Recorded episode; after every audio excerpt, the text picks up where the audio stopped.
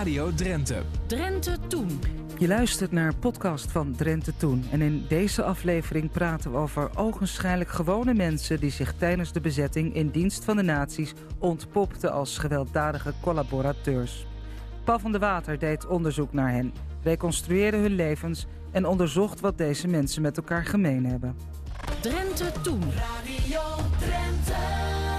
Het waren schijnbaar allemaal gewone mensen, zonder strafblad, zonder een criminele geschiedenis, maar in dienst van de nazi's ontpopten ze zich als gewelddadige collaborateurs. En dat is ongeveer ook de titel van het boek dat Paul van der Water over deze mensen schreef en waar hij volgend jaar op gaat promoveren. Het boek is net uit. We mogen er één verloten. Meer erover aan het eind van dit gesprek. Maar eerst maar even kennis maken met de schrijver. Ik mag je en jij zeggen, Paul van der Water. Paul, welkom. Ja, dankjewel. In een, uh, een krant las ik onlangs uh, over jouw boek dat het gaat over mannen en vrouwen die zich opeens bekeerden tot het nationaalsocialisme en zich vervolgens ontwikkelden tot extremistische en gewelddadige daders. Voordat je daar dieper op ingaat, jij hebt het over de gewone mensen en niet over de kopstukken, hè? Nee, kopstukken, uh, daar ik me niet mee bezig. Dus mensen die een, uh, een, uh, een leidinggevende positie in de nationaal-socialistische beweging hadden, of bij de SS. Of ehm, mensen die voor de Tweede Wereldoorlog al prominent NSB'er waren, die laat ik buiten beschouwing. Het gaat mij om de categorie mensen die, ehm, zeg maar pal na de oorlog uh, uh, nationaal socialist werden, om welke reden dan ook. En uh, vanuit die hoedanigheid zich langzaam en zeker ontwikkelde tot gewelddadige collaborateurs. Het interessante is de vraag natuurlijk, waarom werden ze dan nationaal socialist? En dan zie je dat bij een aantal van die mensen exact dezelfde overwegingen een rol speelden. Kijk, uh, de meeste gewelddadige collaborateurs, en ik zeg nadrukkelijk de meeste, want het, gaat, geldt niet voor allemaal, maar de meeste kwamen uit, uh, uit tamelijk armoedig uh, milieu. Hebben een, ik noem het maar een deplorabele opvoeding gehad, opgegroeid in grote armoede, weinig opleiding genoten. En uh, zeg maar die, die, die, die sociale omstandigheden die uh, reproduceerden zich in hun eigen uh, omstandigheden als, als volwassenen. Hun eigen sociale omstandigheden toen ze volwassen waren. Dus ehm, ze, ze, zaten zeg maar aan de, aan, aan, aan de marginale kant van, van, van de samenleving. En het nationaal socialisme bood dit soort mensen uh, vrij veel mogelijkheden om um, te stijgen op de maatschappelijke ladder. Om een positie te bekleden die ze normaal gesproken zonder het nationaal socialisme waarschijnlijk nooit hadden kunnen krijgen. Dat geldt in ieder geval, daar gaan we het straks uitgebreider over hebben, voor alle, alle leden van de bloedploeg Norg. Dus opvallend is dat, uh, want je zou kunnen zeggen, nou, die gewelddadige collaborateurs, die lieten zich vooral inspireren door uh, de geweldsfilosofie van het nationaal socialisme. Ze hadden een hoger doel, namelijk de nationaal socialistische samenleving. En daarbij, om die te vestigen en om tegenstanders uit te schakelen, was geweld geoorloofd. Maar bijna geen één gewelddadige collaborateur. Ik heb er een stuk of 40, 50 onderzocht. En als er twee uh, of drie uh, zich lieten leiden door ideologische overwegingen, dan zitten we al aan de ruime kant. De meeste uh, werden nationaal socialisten omdat dat gewoon te uh, veel meer voordelen voor ze opleverde. Dat is wel bijzonder, uh, vind ik. Dat, Vooral ook omdat vaak gedacht wordt dat mensen ideologisch gedreven waren. Nou, die bloedploeg Norg, er zat geen enkele man bij die zich politiek of ideologisch liet inspireren. Jij uh, je hebt het over de bloedploeg Norg. Laten we daar meteen maar over verder gaan. De bloedploeg Norg die kenmerkt zich als een hele gewelddadige afdeling van de landwacht. Kun je wat over ze vertellen? Ja. Nou, de, de, de bloedploeg Norg had een harde kern. Die bestond uit zeven, zeven mannen. Onder aanvoering van uh, Gerrit Sanner. Dat was zeg maar de, de leider van de bloedploeg. Of de meewerkend voorman. Misschien moet je het zo noemen. Uh, het waren geen van alle mensen die uit Drenthe afkomstig waren, geen Drentse roots hadden. Uh, zes kwamen uit Amsterdam en eentje uit uh, Alkmaar. Uh, na Dolle Dinsdag, ze waren alle, allemaal waren ze lid van de landwacht. En na Dolle Dinsdag kregen ze opdracht, of kort na Dolle Dinsdag, om vrouwen van NSB'ers in veiligheid te brengen. dat deed Gerrit Sanner met zes andere mensen. Uh, met bus uh, bracht hij ze naar uh, kamp Westerborg. Daar waren toen de tijd NSB'ers, we hebben het over september 1944. Ehm, die waren daar veilig, dus die werden daar naartoe gebracht door Gerrit Sander. En van daaruit ging hij met die zes mannen, werd hij, als het ware, kreeg hij de opdracht om in de gemeente Diever orde op zaken te stellen. De burgemeester daar, dat was Pier Obe Postuma, Postumus moet ik zeggen. Uh, die werd, voelde zich bedreigd en er waren nogal wat verzetstrijders in zijn uh, uh, omgeving actief. Dat vond hij allemaal heel vervelend en hij wilde zich beschermen. Eén, door deze landwachters en twee kregen ze de opdracht om het plaatselijk verzet uit te schakelen. Nou, die zeven mannen, die gingen echt als, uh, als, als beesten tekeer. Uh, dus ze hebben echt een, enorme hoeveelheid slachtoffers uh, gemaakt. En niet alleen in de zin van arresteren en uitleveren aan de Duitsers... zodat ze naar een gevangenis of een concentratiekamp ge, gestuurd konden worden. Nee, ze maakten zichzelf schuldig aan mishandeling, marteling, doodslag, moord. en dat op vrij grote schaal... Nou, in de gemeente Diever uh, werden, werden, ze op een gegeven moment weer weggehaald en werden ze naar Norg gebracht, vandaar bloedploeg Norg. En uh, daar gingen ze eigenlijk op dezelfde voet uh, verder. Z zoveel mogelijk mensen arresteren. ook als er geen enkele verdenking was, hè, dan kon iemand toch gearresteerd worden. Want het zou kunnen dat hij of zij, die gearresteerd werd, informatie kon geven. En die informatie werd dan op vrij gruwelijke wijze aan mensen onttrokken. Uh, ja. Het waren zeven mensen. Um, en ik zei net al, geen van allen uh, kwam uit Drenthe.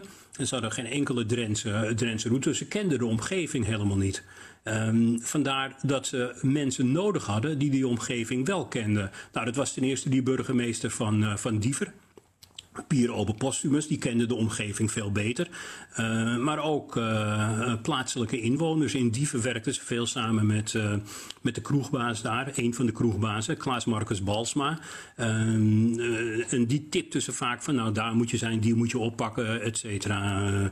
dus ze werkten samen met, met plaatselijke bewoners om hun opdrachten uit te kunnen voeren. Dan heb je ook de figuur van Jacobus Filippa. Die heb jij ook onderzocht uh, als, als ja. roerganger van de bloedploeg Norg. Wie is deze man? Uh, Jacobus Filippa, die was zoals je zegt uh, de roerganger van de bloedploeg. Uh, hij werd, tijdens zijn rechtszaak werd hij de animator van de bloedploeg genoemd. Hij was zeg maar assistent, commandeur van de, van de landwacht in Drenthe en volgens mij ook Overijssel, maar in ieder geval in Drenthe. En de bloedploeg viel onder hem. En Jacob, Jacobus Philippa, eh, meestal werd hij Sjaak genoemd, of Jacques. Um, die kwam uit Den Haag, uit een zeer uh, gegoed katholiek milieu. Uh, maar uh, zijn opvoeding, ik zei net een deplorabele opvoeding. En dat hoeft niet per se een opvoeding te zijn in grote armoede. Hij kwam niet uit een armoedegezin. Maar hij kreeg wel een opvoeding waarbij er meer verboden was dan toegestaan. Dus hij mocht geen vriendjes hebben. Hij mocht, niet, mocht niet op voetbal, hij mocht niet buiten spelen. Zijn vader was zeer autoritair en uh, uh, gevoelsarm. En hetzelfde geldt min of meer voor zijn moeder, die sterk onder invloed van zijn vader Want hij heeft een opvoeding gehad die uh, zich het best laat kenschetsen met gevoelsarm. Als hij een jaar of 16 is, krijgt hij belangstelling al voor het nationaal socialisme. Nou, hij wil eigenlijk rechten gaan studeren, maar dat mocht niet van zijn vader. Uiteindelijk gaat hij naar de Koninklijke Militaire Academie in Breda.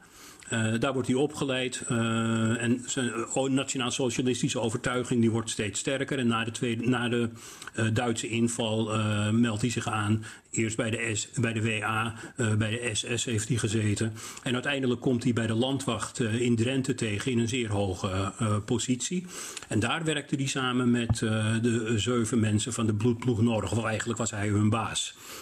En het, uh, nou heb je natuurlijk uh, de categorie daders van, uh, van, van, van, van, van de schrijptisch. Mensen die achter het bureau zitten en opdrachten geven. Maar dat was niet Jacobus Filippa. Die deed volop mee aan allerlei acties die de bloedploeg uitvoerde. Dus die maakte wel degelijk ook meer dan smerige handen.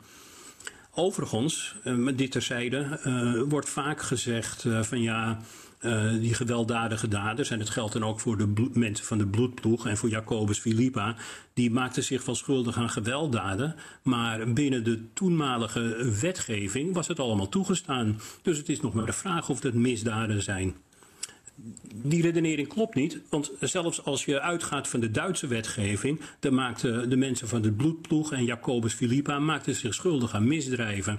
Ze uh, plunderden namelijk en uh, roofden en uh, ontvreemden spullen van, van, van, van, van bewoners van Norg en Diever en omgeving. En dat was op zich wel toegestaan als het confiscatie was. Uh, dus dan nam je het werd het in beslag genomen en dan moest het ter beschikking gesteld worden aan het Duitse Rijk. Maar dat deden de mensen van de bloedploeg niet en ook Jacobus Philippa niet. Dus die uh, stalen en plunderden uit eigen gewin. En dat was ook volgens de toenmalige Duitse wetgeving een halsmisdrijf.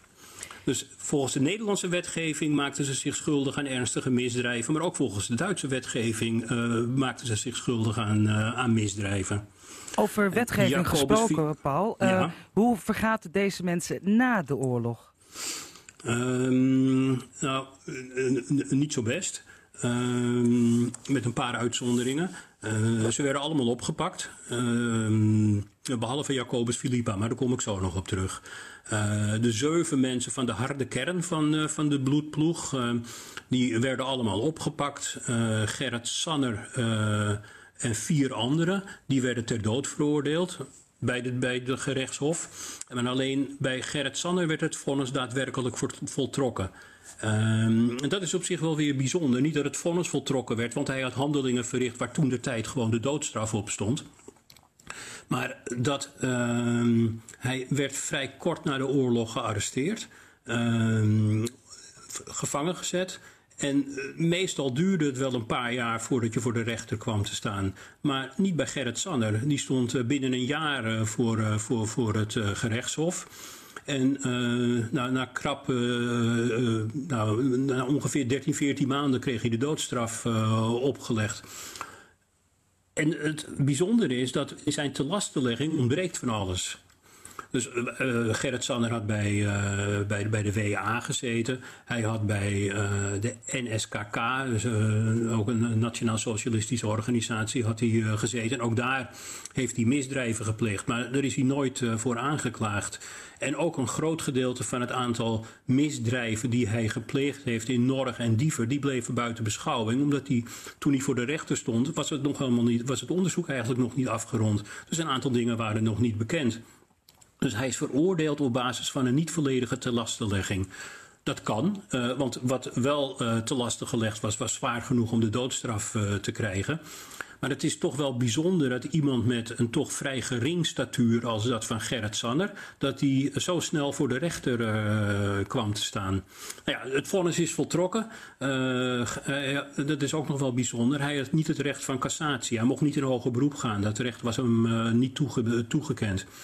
Dus hij kon alleen nog maar gratie vragen na zijn ter doodveroordeling. En die gratie werd afgewezen en uiteindelijk werd hij op 1 mei 1947 is hij door een vuurpeloton uh, geëxecuteerd. De andere uh, mensen uh, van de, de, harde kern, dat waren Piet Brugman, Wim Hinte, Henk de Krijger... En Gerrit Surt, die kregen ook de doodstraf. Alleen daar is het vonnis niet bij voltrokken. Die konden wel in cassatie gaan en uiteindelijk kregen ze levenslang of een veel geringere straf. Nou, uh, dus die uh, zijn uiteindelijk de dans ontsprongen. In 1959 waren ze allemaal vrij. En twee mensen van die bloedploeg Norg, namelijk Johannes de Roos en uh, um, Wim Hinten, die waren nog heel jong. Dus ik zei Johannes de Roos, hè, maar ik bedoel Cornelis de Roos. Cornelis de Roos uh, die was nog, uh, nog, nog dik onder de twintig toen hij lid was van de bloedploeg. Uh, nou ja, die werd op grond van bijzondere omstandigheden. Ten eerste omdat hij zo jong was en ten tweede omdat hij niet bestand was tegen de, zeg maar de autoritaire persoonlijkheid van Gerrit Sanner. Werd hij uiteindelijk tot één jaar gevangenisstraf veroordeeld. En Wim Hinte, die kreeg ook een vrij geringe gevangenisstraf. Een paar jaar heeft hij gehad. Nou ja, uh, is het goed met ze gegaan? Nou, met een merendeel uh, niet. na de, ze, ze, werden wel na verloop van tijd vrijgelaten. In 19, 1959 zat niemand meer in de gevangenis. behalve Gerrit Sanner, die dood was. Maar de andere zes ja, die zijn er toch vrij genadig van afgekomen. Jacobus Philippa, de leidinggevende, eh, zeg maar de, de, het opperhoofd van de, van de bloedploeg, de opdrachtgever. Eh, dat is een, op, zich een heel bijzonder verhaal, want die is na de Tweede Wereldoorlog meteen uh, ondergedoken. En die is pas in 19, zeg ik nu uit mijn hoofd, in 1974 is hij gevonden. En hij had vanaf 1945 tot en met 1974 had hij bij zijn ouders op zolder gewoond in Den Haag. Daar had hij uh, zich verstopt en hij is daar nooit uh, gevonden. Tot 1974, toen was zijn moeder ondertussen dood. Zijn vader kon hem niet verzorgen. En op een of andere manier, of zijn vader heeft hem aangegeven, of zijn broer en zussen, die wisten het ook. Iemand heeft hem aangegeven en toen is hij alsnog opgepakt en is hij alsnog voor, weer voor de rechter gekomen. Hij was trouwens in eerste instantie bij verstek ook ter dood veroordeeld. Nou, uh, dat is op zich wel een bijzonder. Hij heeft uh, zeg maar 29, bijna 30 jaar ondergedoken gezeten. En naar eigen zeggen, en volgens zeggen van anderen, nooit buiten geweest in, die in die periode. Dat is toch wel bijzonder. 30 jaar op de zolder. En dat ik heb die zolder gezien. Dat is zeker bijzonder, is, Paul. Um, ja. Je mag zo nog even vertellen hoe die zolder eruit zag. En dan wil ik graag van je horen, want ja, de hoofdpersonen zelf zijn niet meer in leven. Wie jij gesproken hebt na je beschrijving van de zolder uh, voor dit boek, nabestaande familieleden.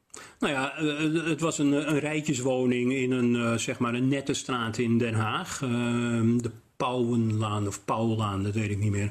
Ik ben er een keer gaan kijken, het huis staat er nog steeds, uh, maar het ziet er wat anders uit dan uh, in 1945 zeg maar, of 1950. Maar op YouTube staat een filmpje en, uh, van regionale omroep Den Haag.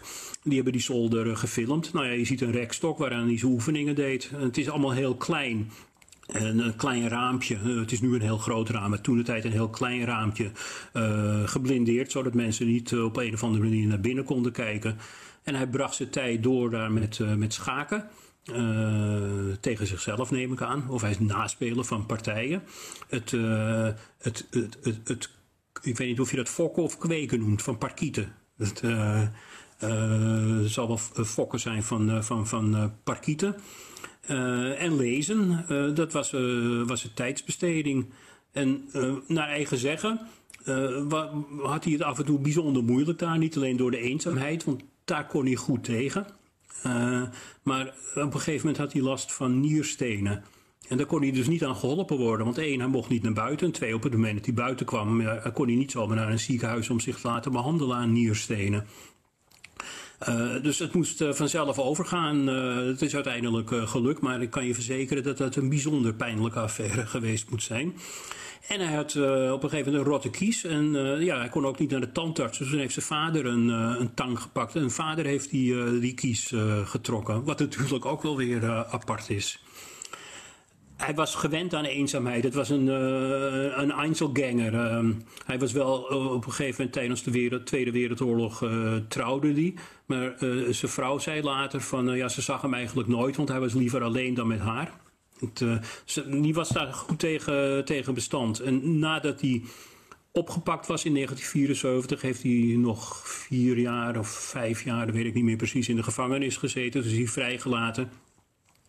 Uh, en heeft hij in een flatje gewoond als een soort van kluizenaar in Enschede of in Deventer. Ik dacht in Deventer. Het, uh, hele aparte man. Uh, als je die zolder ziet, dan hou je niet voor mogelijk dat iemand daar 30 jaar lang gebivakkeerd heeft. klein, benauwd.